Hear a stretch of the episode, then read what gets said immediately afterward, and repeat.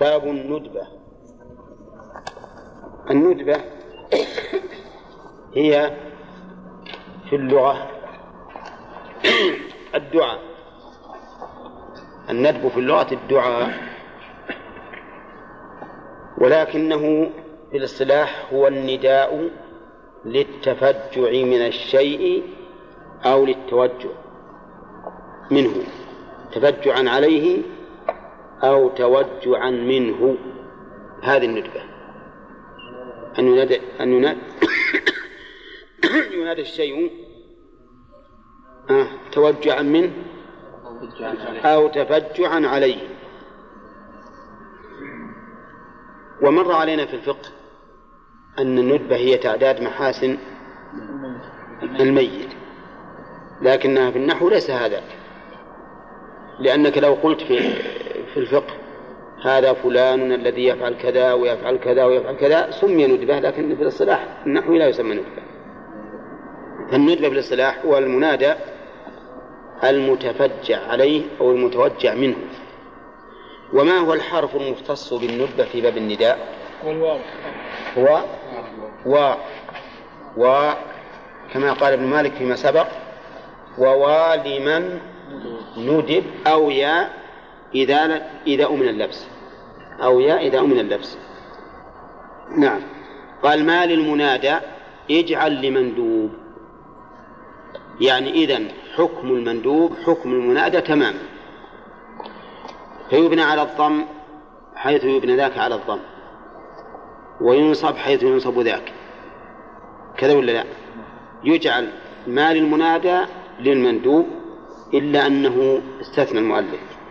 قال وما نكر لم يندب ولا ما أبهم. نعم. ما نكر ما يندب. ما تندب المنكر. فلا تقول مثلا ورجل ورجل ما يجوز تقول ورجل السبب لأنه نكرة لأنه نكرة. والنكرة غير معلوم حتى يتفجع منه أو يتوجع حتى يتفجع عليه أو يتوجع منه. ويجوز نداؤه ولا ما يجوز؟ يجوز نداؤه. كذلك لا يندب المبهم. المبهم ما يندب. مثل أي والذي ومن وما أشبه ذلك. كل المبهم ما يندب. واستثنى من المبهم قوله ويندب الموصول بالذي اشتهر يعني بالذي اشتهر به. فيستثنى من المبهم الموصول الذي اشتهر بصلته. يندب. لأنه إذا كان مشتهرا بصلته يزول الإبهام فيه ولا ما يزول؟ ها؟ طيب يزول الإبهام. مثال ذلك. إذا قلت أكرم من غيب الألفية. أكرم من غيب الألفية. وكلكم تغيبونه. هذا مبهم ولا لا؟ مبهم. إذا قلت أكرم من غيب الألفية وهو ما ما غيبها إلا واحد فقط. هذا تعين الآن. تعين وإن كانت الصيغة صيغة إبهام لكنه معلوم أنه ما فيه إلا واحد. كذا؟ طيب تقول جزى الله من أضاء لنا الطريق. جزى الله من أضاء لنا الطريق خيرا. وحنا نعرف أن الذي أضاء الطريق هو فلان فقط ما هنا غيره. يصير معين ولا لا؟ يصير معين. فإذا كان الموصول مشهورا بصلته جاز أن يندب لأنه معين. يزول فيه الإبهام. ولهذا قال ويندب الموصول بالذي اشتهر كبئر زمزم يلي ومن حفر.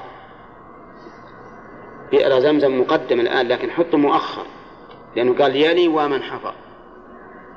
فتقول ومن حفر بئر زمزم. ومن حفر بئر زمزم. هذا موصول وصحيح أننا الآن ما نعرف من حفر بئر زمزم. كذا ولا لا؟ هو غير معين لمن لا يعلمه غير معين. لكننا نعلم أن الذي حفر بئر زمزم عبد عبد المطلب. فيكون قولنا ومن حفر بئر زمزم كقولنا وعبد المطلب كقولنا وعبد المطلب والسبب؟ لأنه معلوم. مشتهر. معلوم مشتهر. أفهمتم الآن؟ طيب. إذا قلنا ومن عبر نهر الفرات لقتال الفرس ومن عبر نهر دجلة. نهر دجلة لقتال الفرس هذا مبهم مراد به التعيين هذا مشهور ولا غير مشهور؟ مشهور من هو؟ سعد سعد بن أبي وقاص. يصح أن أندبه ولا ما يصح؟ يصح. في حياته يصح. لماذا؟ لأنه مشهور. لأنه مشهور. ونحن الآن نتكلم عن صيغة الندبة فقط. أما عن التحليل والتحريم فمعلوم أننا ما نندب الأموات يقولوا حضروا نعم. طيب وهذا يا شيخ ما يجوز؟ وش؟ وهذا. هو لا ما يجوز. لأنه غير مشهور ما يجوز. إذا كل مبهم يصح نداؤه ولا يصح ها؟ ندبته كل منكر يصح نداؤه ولا تصح ندبته. نعم. كبئر زمزم يلي ومن حفر ومنتهى المندوب صله بالألف. هذه خالف به المنادي أيضا. يعني سبق أنه خالف في أنه لا ينادى المنكر لا يندب المنكر. إيش بعد؟ ولا المبهم. إلا ما استثني من المبهم. كذلك أيضا يخالف المنادى في قوله ومنتهى المندوب صله بالألف. المندوب منتهاه يوصل بالألف. فتقول يا زيد منادى. بس. نجيب ألف ولا ما نجيب؟ لا. ما نأتي بألف. وتقول وزيدا في الندبة. تقول وزيدا في الندبة. تدري لكم وقول المؤلف صله بالألف هذه أمر. والأصل في الأمر الوجوب. هذا الشرع لكن ها؟ نعم. الأصل في الأمر الوجوب. لكن له قرينة صارفة. فالأمر هنا ليس للوجوب. ليس للوجوب كما سيأتي. فصله ليس واجبا إلا إذا التبس بالمنادى بحيث تكون أداة الندبة ياء وإذا لم نصله بالألف التبس فحينئذ تتعين الألف. تتعين الألف. وإلا فلا تجب. لماذا لا تجب؟ لأن الندبة معلومة بواء بالحرف المختص بها. لكن إذا جاءت ياء وصار لو لم نصله بالألف التبس بالمنادى وجب علينا إيش؟ أن نصله. تقول وزيدا طيب. إذا وقفت نعم. إذا وقفت زدها السكت. كما واقفا زدها السكت إن تريد. إذا وقفت فزدها السكت أيضا. فتقول وزيداه. بس ماذا وزيداه. أوله سكن. لأن الوقف سكن معروف. وزيداه. وراسي راساه؟ قول نعم نعم. عند براسه معروف. وتقول وظهري ظهراه. هذا متوجع منه. وظهراه ورأساه وما أشبه ذلك متوجع منه. لكن وزيداه هذا متفجع عليه متفجع عليه. كقول فاطمة رضي الله عنها حين توفي الرسول عليه الصلاة والسلام وأبتاه وأبتاه. نعم. طيب إذن استفدنا من كلام المؤلف أن المندوب يخالف المنادى أيضا في أمر ثالث وهو وصل آخره بالألف. ومنتهى المندوب صله بالألف. متلوها إن كان مثلها حذف. متلوها. يعني التي كانت تالية له. هذا متلوها. هي تالية والسابق متلو. يعني أن ألف الندبة إذا سبق إذا سبقها ألف إن كان مثلها. وشلون إن كان مثلها؟ يعني إن كان ألف. أما قال صله بالألف متلوها يعني متلو الألف. إن كان مثلها ها؟ يعني إن كان ألفا حذف. إن كان مثلها حذف. لماذا يحذف؟ لأنه التقى ساكنان الألف اللي في أصل الكلمة وألف الندبة. وإذا التقى ساكنان وهما حرف لين حذف أحدهما قال ابن مالك إن ساكنان التقى يكسر ما سبق. وإن يكن لينا فحذفه استحق طيب هنا لو قال قائل لماذا لا نحذف ألف الندبة؟ ونخلي الألف اللي في الأصل لأنها أصلية. نقول لا. نحذف الأولة نحذف الأولة ها؟ لأن هذا هو الأصل. ولأن ألف الندبة جيء بها لمعنى. فلو حذفناها. فات هذا المعنى. مثال ذلك واحد عنده موسى موسى حلاقة تعرفونه؟ ها؟ طيب انكسر ولا غاب؟ فقال وموساه أولى يقول وموساه الألف اللي معنى هذه ألف موسى ولا ألف الندبة. وين راحت ألف موسى؟ حذفت.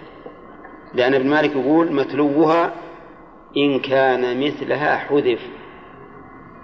طيب لو قال قائل ورا ما نقول وموساه ها؟ ما يصلح. ثقيل وأيضا التقى ساكنا لازم يحذف الأول أو يكسر إذا كان غير حقيقي إذا متلوها وش معنى متلوها؟ ما معنى؟ الذي يأتي قبله. يعني ما تلته. نعم. لأن هي تالية اسم فاعل واللي قبله متلو. اسم مفعول. إن كان مثلها حذف طيب. كذاك تنوين الذي به كمل من صلة أو غيرها نلت الأمل. هذا الموضع الرابع مما يخالف أو الخامس. لا الخامس. لأن الرابع متلوها إن كان مثلها حذف. المنادى ما يحذف منه شيء. الخامس كذاك تنوين الذي به كمل من صلة أو غيرها نلت الأمل.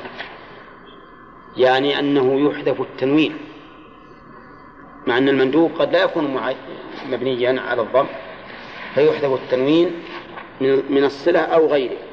مثلا ومن حفر بئر زمزم. تقول ومن حفر بئر زمزم راح التنوين وكذلك أيضا من صلة أو غيرها كالإضافة مثلا كما لو أضيف. نعم كذاك التنوين الذي به كمل. نعم زمزم فيها تنوين لأنها فيها لغتان الصرف وعدمه. كذلك أيضا وغلام زيداه حذفنا التنوين. لا بد أن يحذف فهذا معنى قوله من صلة أو غيرها نلت الأمل. والله شيخ. إذا جر واحد من الصف الأمامي هل يرجع مع أم يبقى؟ ما يرجع لا واحد. يعني لا يجهل بالحكم أو له إذا وقف عليه يقضي عدم الحكم أما إذا لم يوقف عليه فتقول مثلا وزيدا لفلان. تقول تنونه شيخنا بالموصول الذي اشتغل سمع إيه ومن حفر ومن حفر بئر من الماء هذه مسموعة. ولهذا مثل بها ابن مالك بالذات. ثم قال المؤلف والشكل حتما أوله مجانسا إن يكن الفتح بوهم لابسا هذه من مسائل النحويين تشبه مسائل الفرضيين. يقول إذا مات الإنسان عن عشرين جدة فمن لم الوارث من العشرين جدة؟ ها؟ عشرين جدة مهم يعني شيء بعيد. نعم. هذه اللي قال ابن مالك الآن كما سيتصور لكم إن شاء الله من الأشياء البعيدة. إحنا فهمنا الآن أنه آخر المندوب يلحق به الألف. أولى يلحق به الألف. من ضرورة إلحاق الألف أن يكون الذي قبلها مفتوحا. أن يكون الذي قبلها مفتوحا. أولى. طيب. إذا كان إذا كان الشكل الذي قبل الألف إذا فتحناه أوجب لبسا. إذا فتحناه أوجب لبسا. فإننا نبقيه على ما هو عليه نبقيه على ما هو عليه. ونحول الألف إلى حرف يتناسب أو يجانس تلك الحركة. يتناسب أو يجانس تلك الحركة. صعب التصور وقليل الوقوع هذا. نعم؟ شفت الشكل حتما أوله مجانسا الشكل أوله معلوم أن الشكل هنا إذا بغينا نعرف نقول أنها لا. مفعول لفعل محذوف يفسره ما بعده. هذا من باب الاشتغال يا أخوان. وأول فعل أمر فالراجح النصب ها؟ وقوله حتما متعلق بأوله. الشكل أوله حتما. وش أوله؟ وين المفعول الثاني لأوله؟ ها؟ لا.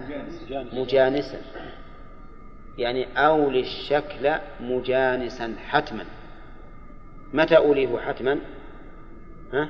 إن يكن الفتح بوهم لابسا إذا كان إبقاؤه على الفتحة يوهم اللبس. فيجب أنك تجعل الألف التي للندبة تجعلها حرفا مجانسا للحركة التي قبلها. ها؟ طيب. عندنا إذا أردت أن تنسب أن أن تندب غلام غائب. أن تندب غلام غائب.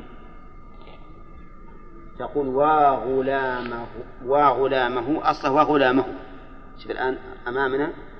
وغلامه هذا هو المندوب. وغلامه هذا المندوب. وش آخر المندوب الآن؟ ها مضمومة عندما نصل الألف فيها ألف الندبة وش يجب؟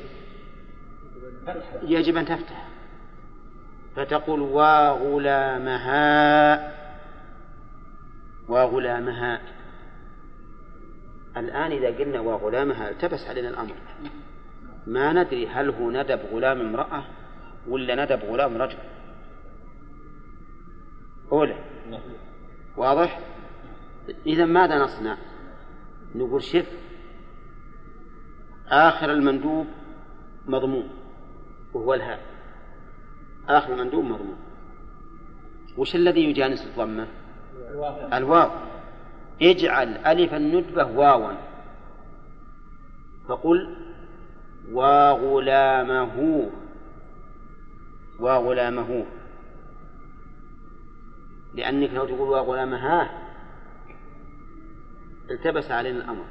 هل أنت تندب غلام امرأة أو تندب غلام ذكر؟ واضح؟ فنقول وغلامه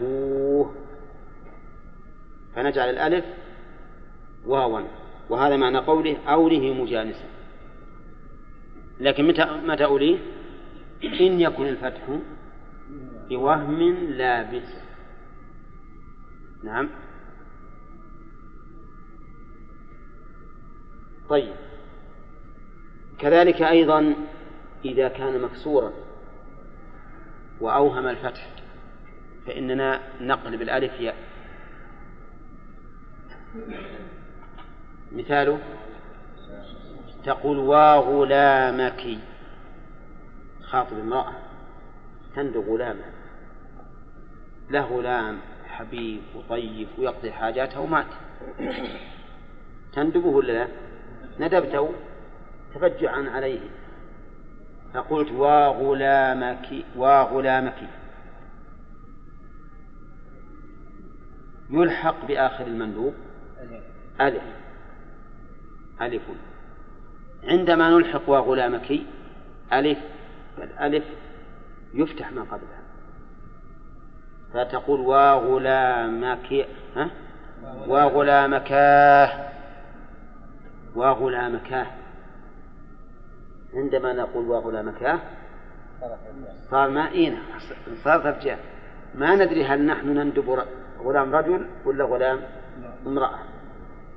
إذا نبقي الكسرة اللي تدل على خطاب المرأة نبقيها على حالها ونخلي الألف نعم جانس جانس الكسرة تجانس الكسرة فتكون ياء.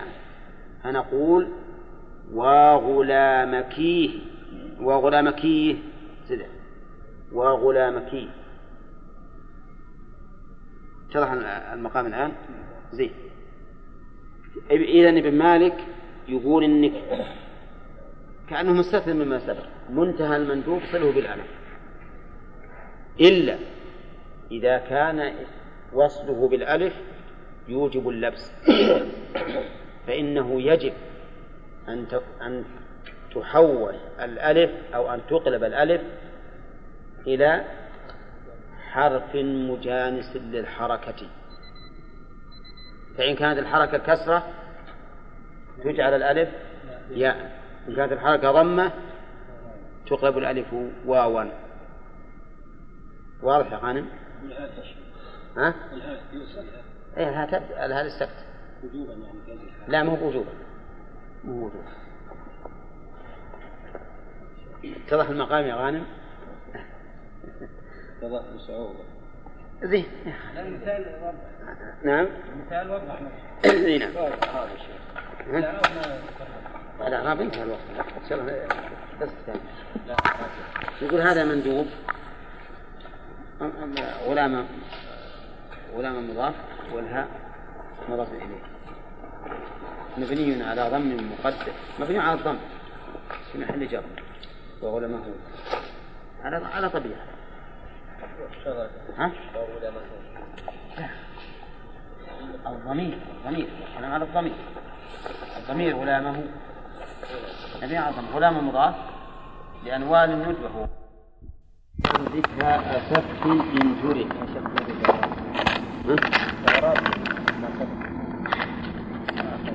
اي طيب. نكمل نكمل نكمل. قال وواقفا زدها أسفت إن ترد قوله واقفا زدها أسفت هذه واقفا حال من فاعل زد وها مفعول زد يعني زدها أسفت حال كونك واقفا. يعني إذا وقفت على المندوب وهو يختم بالألف كما سبق فإنك إن شئت أن تزيد هاء سبت فافعل. وإن تشاء فالمد يعني فزد المد والها لا تزد. والها لا تزد. مثال ذلك. تقول وغلاماه وغلاماه لأنها السبت ساكن. السكت ساكنة لأنه موقوف عليه. فتقول وغلاماه هذه واحدة.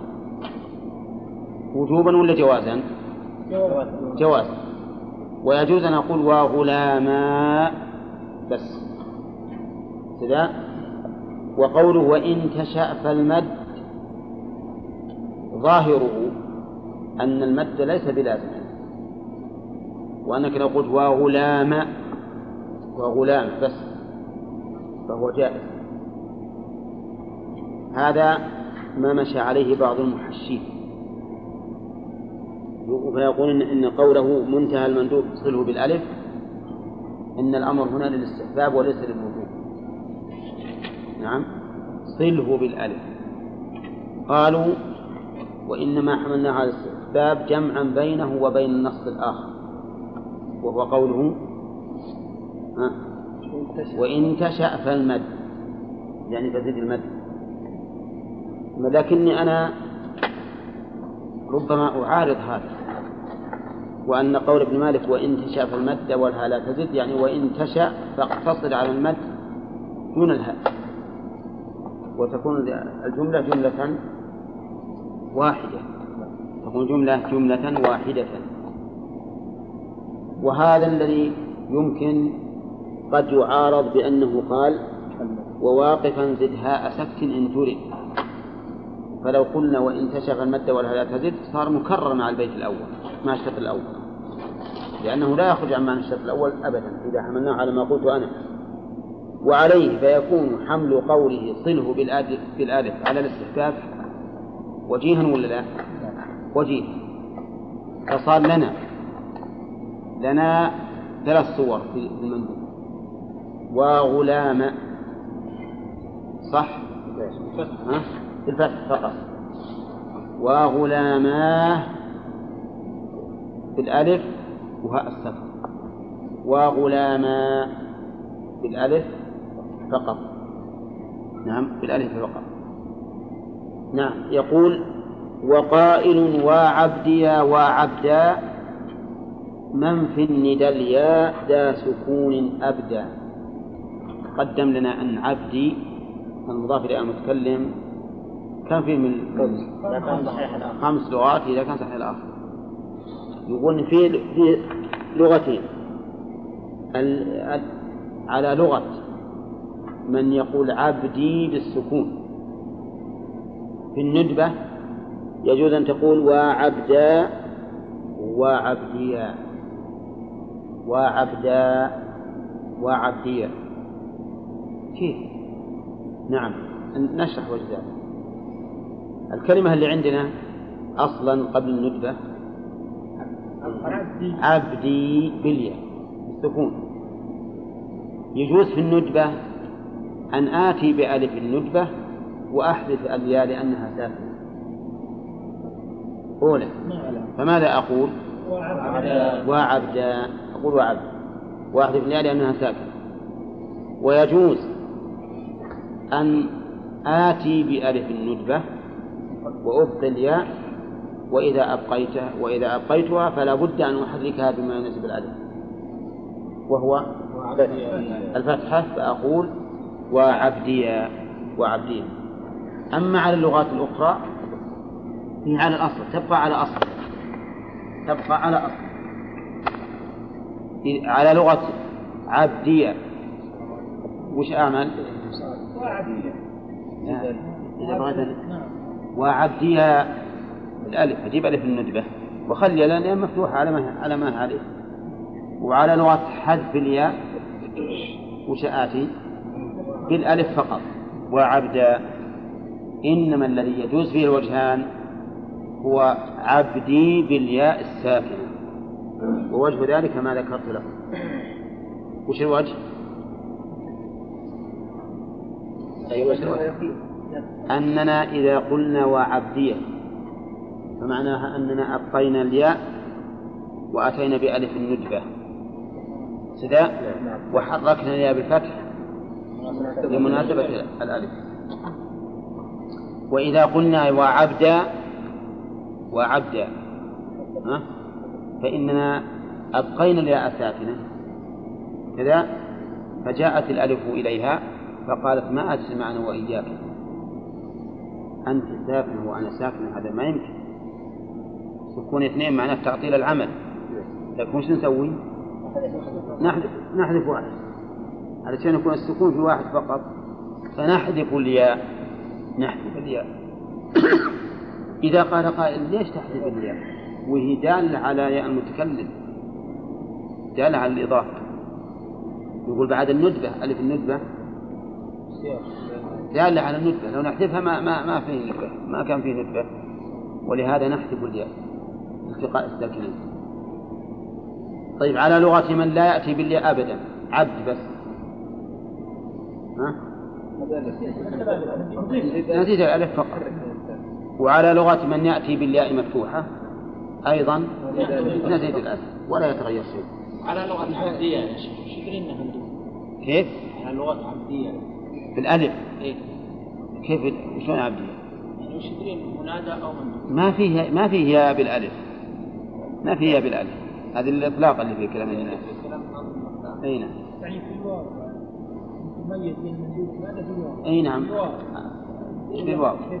في واو. لا هو هو توهم. أنا فاهم هذا. فاهم أن الواو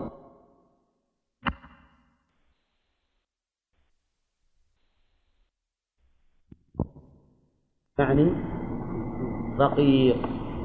نعم. فإذا الترخيم في الحقيقة يؤتى به للتحسين ولهذا ما يؤتى إلا في مقام آه، الرقة والدين أو التعظيم أحيانا بعد. المهم إنه هو التحسين هذا هذا الترخيم يقول المؤلف ترخيم نحذف آخر المنادى. ترخيما وش إعرابه؟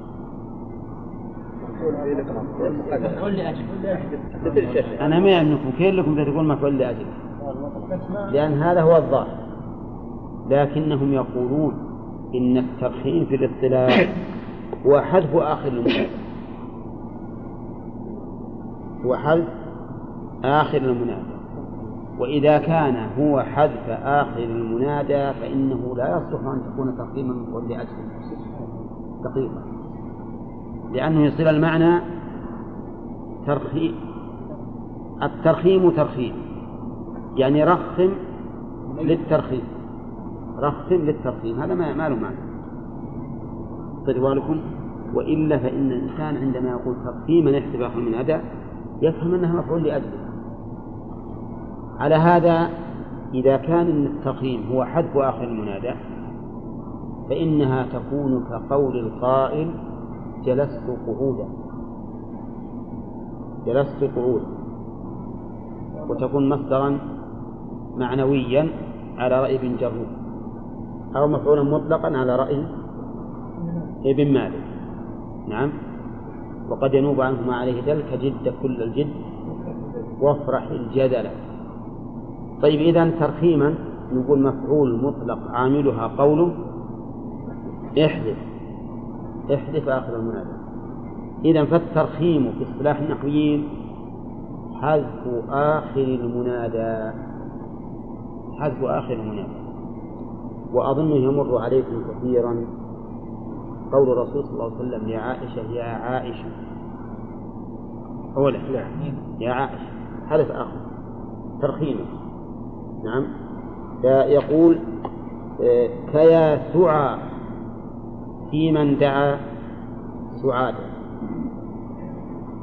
هذه امرأة اسمها سعاد. إذا أردت أن أرخم في النداء وش أقول؟ أقول يا سعى. أو سعى. يعني سواء أبقيت حرف النداء أو حذفت. المهم إني أقول سعى. نعم. واضح أظن؟ ما حذف طيب. ها؟ يحذفون وش؟ الدال والألف لا؟ لا ص- سعادة هذه للإطلاق. ما ما ما من بنتكلم طيب إذا تعريف الترخيم ها؟ في اللغة الترقيق. وأما في الإصطلاح فهو حذف آخر المنادى. طيب. لكن هل يجوز في كل منادى؟ قال المؤلف وجوزنه مطلقا في كل ما أنث بالهاء جوزنه مطلقا مطلقا. كل شيء. نعم. سواء كان المؤنث بالتاء ثلاثيا أو رباعيا أو خماسيا وسواء كان علما أو اسم جنس. أو صفة. نعم. يرخم بكل حال. مطلقا. تقول تنادي فلانا أو ما يصلح. يصلح. يصلح. يصلح. لكنه بس نقول يا فلانة يا فلان. ولا نقول يا فلان. نقول يا فلان. إذا كنت تريد أن ترخم امرأة اسمها عائشة. ها. يا عائشة. رجل اسمه حمزة. يا حمزة. نعم. آه، شاة. لا لا شاة. يا شاء يا شاء نعم ترخيم. آه، صخرة. صخرة إذا مطلقا المؤلف يقول كل ما ختم بالتاء فإنه يرخم. ولهذا قال وجوزنه مطلقا في كل ما أنث بالها والذي قد رخم بحذفها وفره. يعني والذي قد رخم من هذه من المؤنث بالهاء بحذفها. حذف إيش؟ حذف الهاء. وحدها فقط. وفره كما ذكرنا قبل قليل. يا حمد يا عائش يا فاطم وما أشبه ذلك. ها؟ ما بعد لنا المضاف حكم آخر نعم. نعم. التأنيث. كيف؟ تأنيث لفظي. ألست تقرأ وعن حمزة رضي الله عنه؟ وش المعنى من الصرف؟ تأنيث لفظي. مطلقا طيب. نعم. يقول بحالة وفره وفره بعد واحضلا ترخيم ما من هذه الها قد خلا إلا الرباعي. احضلا يعني إمنع ترخيم ما من هذه الها قد خلا ما بمعنى؟ الذي. يعني امنع ترخيم الذي خلا من هذه الهاء وش هاء؟ هاء الثانية أنت معنا يا أحمد؟ إلا الرباعي. فما فوق هذه تكميل الرباعي إلا الرباعي. فما فوق العلم. شرطين دون إضافة ثلاثة ودون إسناد متم. إذا المنادى الخالي من تاء التأنيث لا يرخم إلا بشروط. الشرط الأول أن يكون رباعيا. رباعيا. فإن كان ثلاثيا لم يرخم. فمثل زيد زيد ما ترخم السبب؟ لأنه ثلاثة. ما تقول يا زي ما يصح طيب عمر ها؟ هذه ما لها ما لها إذا ما تقول يا عم وعمر ما تقول يا عمر لأنه دون رباعي. الثاني العلم. لا بد أن يكون علما. فإن كان غير علم ما يرخم ما يرخم لو قلت مثلا في قائم قائم كم؟ أربعة. ما ترخمه ما تقول يا قائم لأنه ليس بعلم. طيب جعفر علم ترخمه تقول طيب. جلمت. بها ما سمينا لا ما سمينا ليس بعدل ما نقول يا جلمة. نعم. زين. نهار. ها؟ نهار علم. نهار علم عجيب. طيب إن كان علما جاء فنقول في نهار يا نهى. يا إن كان غير علم. ها؟ طيب ما يرخى تقول شمس لامرأة. ما- لماذا؟ لأنه ثلاثي طيب. الثاني دون إضافة. دون إضافة. فإن كان إضافة ما ما ما, يعني. مثل عبد الله ما ترخم ما تقول يا عبد لأنه ثبوت الإضافة. والإضافة نسبة شيء إلى شيء. فأنت الآن إذا قلت يا عبد إن حذفت المضاف إليه ما تبين لنا أنه مضاف إلى شيء. وإن حذفت بعض المضاف إليه ما صح. قول. لو قلنا مثلا غلام جعفر. غلام جعفر نبي ناديه والرخم نقول يا غلام ونحذف جعفر. ها؟ يصلح؟ ما يصلح. طيب لو ح... لو قلنا يا غلام جع يصلح؟ يا غلام جعف ما إذا لابد نقول يا غلام جعفر. يا غلام جعفر. طيب. وإسناد متم إسناد متم يعني قصد المركب تركيبا إسناديا. مركب تركيبا إسناديا. وتعرفون أن بعض العالم يكون مركبة ترك- تركيبا إسناديا ولا لا؟ ها؟ أين؟ مثل؟ تأبط شرا وشاب قرناها شاب قرناها اسم رجل قول أين؟ ها؟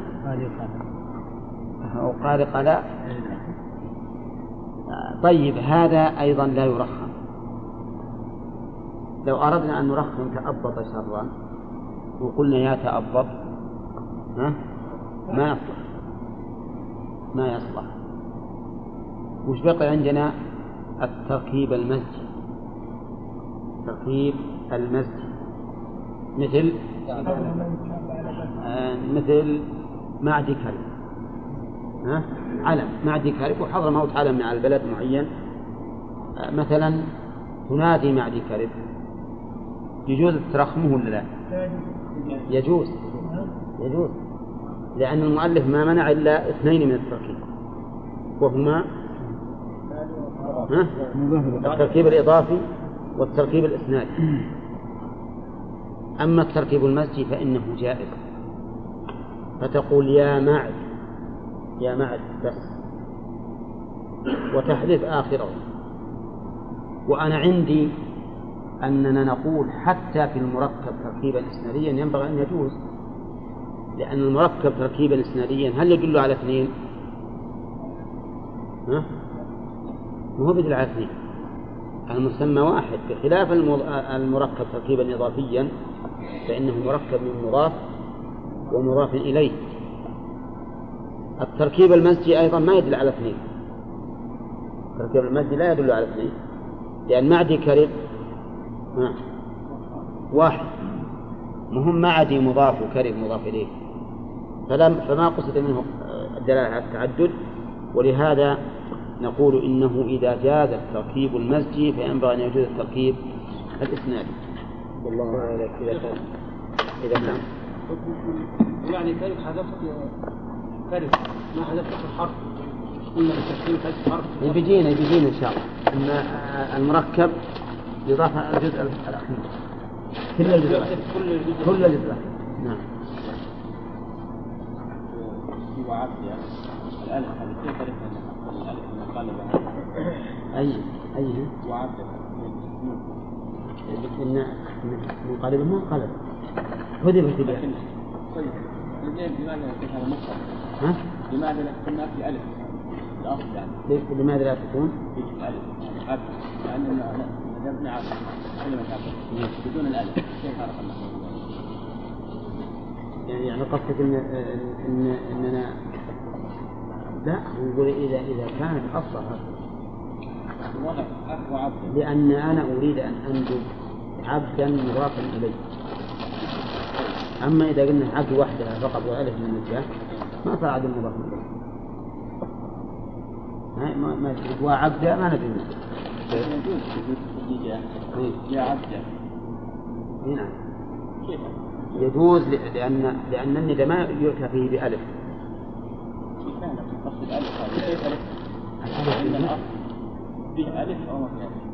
في ألف خلفت في الساكنين فيه ياء قل قل فيه ياء.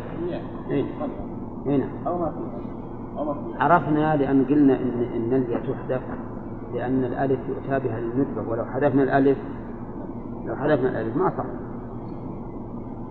أي ألف ألف الندبة لكن الواضح أنه هو عبد؟ أصبح عبدي نعم. الحمد لله نقول إنه يجوز أن نقول وعبد وعبد بالألف. ويجوز أن نقول وعبدي وعبدي بالألف واضح. أن حر حر حركنا الياء بالفتحة بمناسبة الألف. واضح؟ طيب أما إذا قلنا وعبد فلأننا حذفنا الياء لالتقاء الساكنين فهم كثير بس عند النطق مثلا وعبد وش تبين ما يعرف هل هو عند الإعراب. ما يعرف هل هل ينقلب هل وحذفت أو في الأصل يعني أن تقول إذا قلنا وعبد ما ندري لعله ندب عبدا غير مضاف إلى أحد. نعم. إذا هذا صحيح وارد. لكن إذا إذا علم أني أنا أندب عبدي أنا أندب عبدي المضاف إليه فتكون الألف هذه حذفت الياء لالتقاء الساكنين أما إذا كان هذه من- من- من- منكر لكن تقدمنا في أول كلام المؤلف أن يقول أن الم- المنكر ما يندب لكن إذا قلت وعبد على أن المندوب عبد فقط ما صح. ما صح النبأ أصلا. تعيين يكون مضاف. لأنه يقول ولا ما نكر؟ ولا ما لكن لكن علم وما نكر لم يندب نعم. اسمه عبد علم لا بأس. تحديده يجوز يا عبد يا عبدي إيه. تحذف لها تخفيفا تحذف تخفيفا صلاة النبوي هل هي مثل اي نعم مبني على ضم مقدر على آخره منع من ظهوره. اشتغال المحل بحركة الانتظار. على لغة من ينتظر. لأنه سيأتينا بكلام المؤلف بس انتظر. أنه يجوز في لغتين المرخم. هل يعتبر آخره كآخر غير المرخم أو يعتبر آخره كآخر على أنه مرخم محذوف منه شيء؟ زاد الحق. قالوا نعم. زاد الحق يرخم زاد الحق. ما أدري. هذا اسم. هذا نسألك أنت. يرخم من اسم. يرخم لأنه اسم. ما تقولون؟ لا لا يرخم لماذا؟ لأنه مركب تركيب إسنادي بس اسم أخيرا يأتي هو اسم شخص صحيح يلزم مالك. نعم. يلزم مالك أن يرخمه قاعدة صحيح قال صحيح وش هي؟ إذا كان جاد التركيب المزجي إيه. آه، مركب تركيب المزج إيه. جاد ترخيمه. نعم نعم. نعم. إحنا ذكرنا هذا أنه نعم. بخلاف الإضافة. قال ومع الآخر. شيخ إذا كان المؤلف مضاف إليه مثل عائشة. يا أبا عائشة يا أبا عائشة إذا كان مضاف إليه ما أصلح؟ لأنه مضاف لأن الآن ما إحنا بنر- نبي نرخم عائشة نعم عندنا بنرخم نريد أن نرخم أباه أبا عائشة إيه. إلى منك حذفت آخر عائشة صار الترخيم لها هي إيه. قال ومع الآخر احذف الذي تلا وقلنا ال- الترخيم إيش؟ حذف آخر المنادى. طيب هل يحذف مع الآخر شيء؟ يقول المؤلف هنا ومع الآخر احذف الذي تلا إن زيد لينا ساكنا مكملا أربعة فصاعدا. شروط. يقول مع الآخر احذف الذي تلا. يعني الذي تلاه الآخر. الذي تلا أي الآخر. يعني الذي الذي تلاه الآخر. والذي تلاه الآخر ما هو؟ ما قبل الآخر. ما قبل الآخر. يعني يحذف الآخر والذي قبله والذي قبله. هذه الشروط. إن زيد يعني إن كان حرفا زائدا. إن كان الحرف الذي قبل الآخر حرفا زائدا. هذا واحد. ثاني أن يكون لينا. لينا يعني حرف لين. وحروف اللين كم؟ ثلاثة. الواو والألف. ها؟ والياء. ها؟ الواو والياء. الواو والياء؟ اي صح صح. نعم نعم. اي نعم. طيب آه الواو والياء فقط. إلا. لا حروف العلة شيء ما على التجويد اليد اثنين الواو لا، والياء. شوف شوف الشرح. عندك الألف عندنا اثنين لا شوف الشرح بس وش يقول بالليل؟ حرفين قال وذكر مثل مثل على أسماء. طيب لكن قل يجب ان يحذف مع الآخر ما قبله. لأن قورته لينا ساكنا. ساكنا. الألف لابد أن تكون ساكنة. كونه يقول إن زيد لينا ساكنا يخرج الألف لأن الألف ما تكون إلا ساكنة.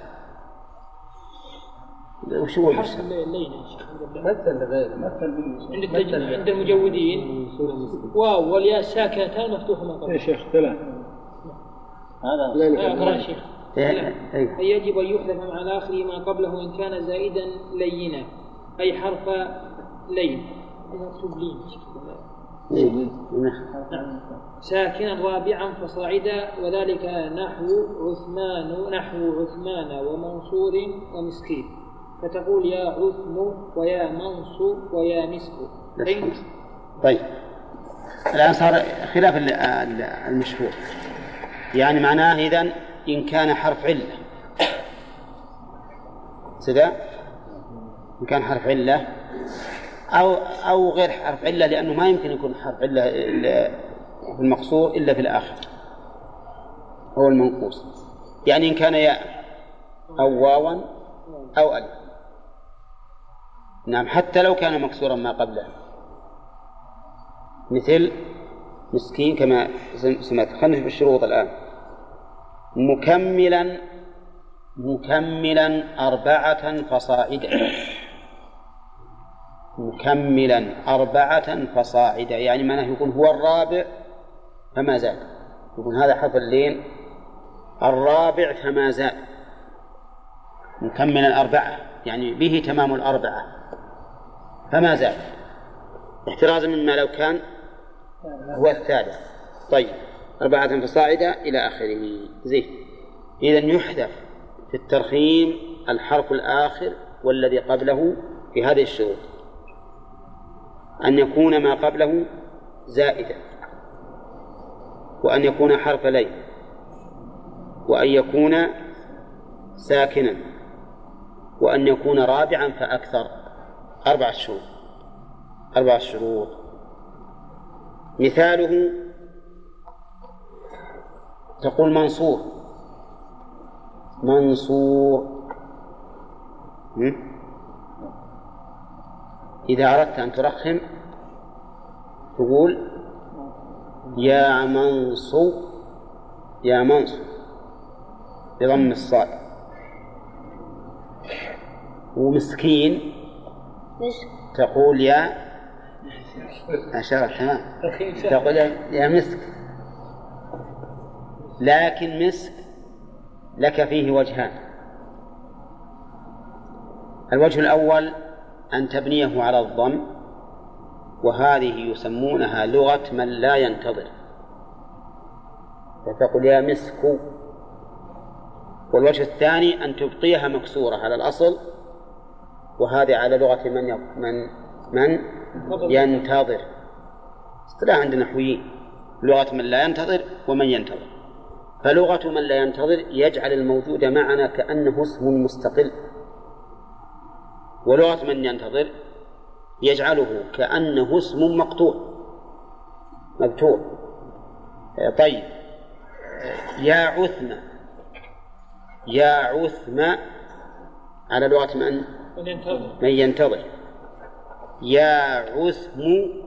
على لغة من لا ينتظر. طيب. يا منصو آه، اتفقت اللغتان. اتفقت اللغتان. لأن منصور احذف الواو والراء. تبقى الصاد مضمومة هذا على لغة من ينتظر. وإذا بنيتها على الضم كذلك أيضا. تقول يا منصور لكن يختلف الإعراب. فإن أجريتها على لغة من ينتظر فإنك تقول يا حرف نداء منصب منادى مبني على ضم مقدر على آخره. آه. منع من ظهور يشتغل المحل بحركة الانتظار ها؟ لماذا؟ لأن هذه الضمة ما جيء بها من أجل النداء فهي الضمة الأصلية لكن يا مسك ويا مسكي يا مسك على لغة من لا ينتظر ويجعل الموجود معنا كأنه منادى مستقل. فيقول يا حرف ندى ومسك منادى مبني على الضم في محل نصب. وعلى لغة من ينتظر يا مسكي. يا حرف ندى ومسك منادى مبني على ضم مقدم على آخره منع من ظهورها اشتغال المحل بحركة الانتظار. واضح؟ وكذلك نقول في عثمة وعثم. طيب ما رأيكم في غضنفر غضنفر. يصلح أن نحذف النون؟ لا ها؟ لا. ليش؟ ليس ليس حرفين وليس رابعا فأكثر. أولى. فلا يصح. طيب عصفور. لا؟ شيخ حرف لا شيخ لا. لا يجوز لا يجوز عص. هذه ثلاثة. الواو؟ رابع. رابع. وزائدة؟ نعم ها؟ زائدة ولا لا؟ زائد الرابع الواو زائدة؟ الواو في عصفور. الظاهر إنها زائدة. لأنها من العصفر أولا. هذا هو الظاهر. الظاهر أن الواو زائدة في عصفور. طيب قنديل. قنديل. يصلح؟ أصلية اللي ثالث كان قال واو في جمع التفسير شيخ؟ هو أصلية عصفور عصافير. وش؟ هي؟ عصفور عصافير. لا حتى حتى عصا مسكين مساكين. نفس الشيء. طيب آه قلنا القنديل يصلح نحذف الياء. هي أصلية. لا من الأصلية وش الضابط يا شيخ؟ الضابط الصرف اللغة العربية. قنديل وش أصله؟ قندل. قندر أي نعم فإذا الياء زائدة. الياء زائدة. نعم. ما كانت مد الحركة؟ وش هي؟ أقول ما كانت مد القنديل مد أصفر يعني غير محركة مادة إشباع الكتف لا ما هي- لا صحيح. قنديل تكتب. طيب ومنديل إشباع فقط. لا لا لا. ولهذا نقول في قنديل وزنها يا شيخ. فعلي منديل. ها؟ منديل. مثل قنديل ولا؟ ما عاد يس- يعلمنا هو نعم. أهل التجويد يقولون واللين. واو وياء سكن فتح ما قبله صحيح. فالواو والياء ساكتان مفتوح ما قبله هذا لكن كأن النحويين خلاف هذا. والنسبة باللين يعني من الليونة مسهولة نعم. كان يخرجان. صحيح. نعم. لماذا نقول الليل؟ نزيد علينا نفتح رغم ترى ما ما لا رد يا شيخ. هي مكبلينة لا لا نزيد علينا بالمالك لين هذا يعتبر حروف المد لينا يا أخي. لين لأن مكسورة الأولان اللام. اللام مفتوحة. نزيد لينا. لا مكتوبة بلين عجيب. اثنين أنا عندي بالفتح. على نراجع إن شاء الله. هذا هذا نصف بيت. يعني البيت الثاني ما تم. ها؟ إلى البيت الثاني ثم أنه يحذف حرفان نبدأ بالدرس الجديد الآن. قال أربعة والخلف في واو وياء بهما فتح كفي. الخلف في واو وياء. الواو والياء من حروف اللين.